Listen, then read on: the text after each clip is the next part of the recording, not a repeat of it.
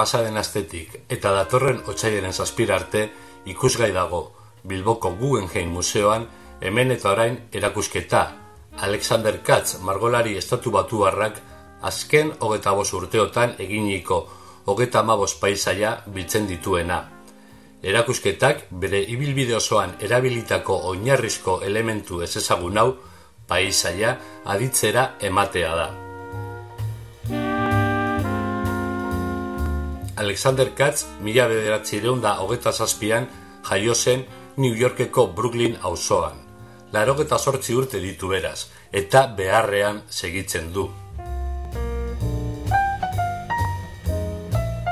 Mila bederatzi da berrogeta marrean hasi lanean.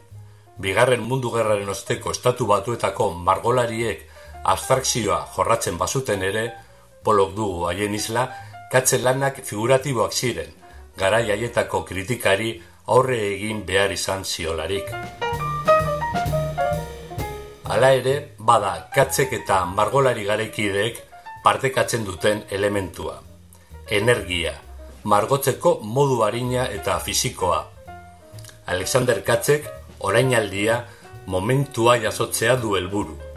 Abia puntua, tokistokiko hartutako zirriborroak ditu, aurrerago estudioan landuko dituenak.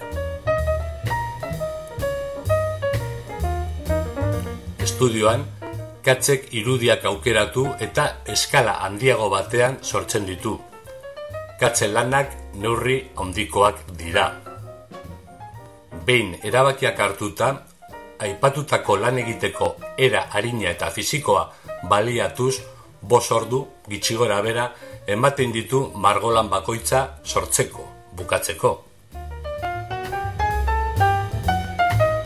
Paisaia monumentalak dira katzek eginikoak, bertan figura esa nabarmena delarik. Atzealdeak monokromatikoak dira, haien gainean dauden irudiak detaile gutxikoak direla.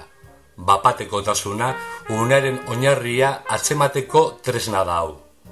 Bestalde, estudioan aukeratutako kolorea baliatzen dukatzek margolanari pisu emateko, volumena sortzeko eta sentsazioak iradokitzeko. Gold and Black 2 margolanean adibidez, horia erabiltzen du uda eta beroa islatzeko. Amaren ametsa margolana dugu bestalde, Alexander Katzek momentu zehatz bat hartzeko duen asmoaren eredu garbia mihisea lausatitan dago banatuta, bakoitzean leku berdina eta ordu berean agertzen duela. Lau egun ezberdinetan, hori bai. Impresionistek ez bezala, katzek momentu ezberdinak jasotzea duzede, ez argiarekin jolastea. Ogoratu, bukatzeko langabetuek debaldeko sarrera dutela Bilboko Guggenheim Museoan.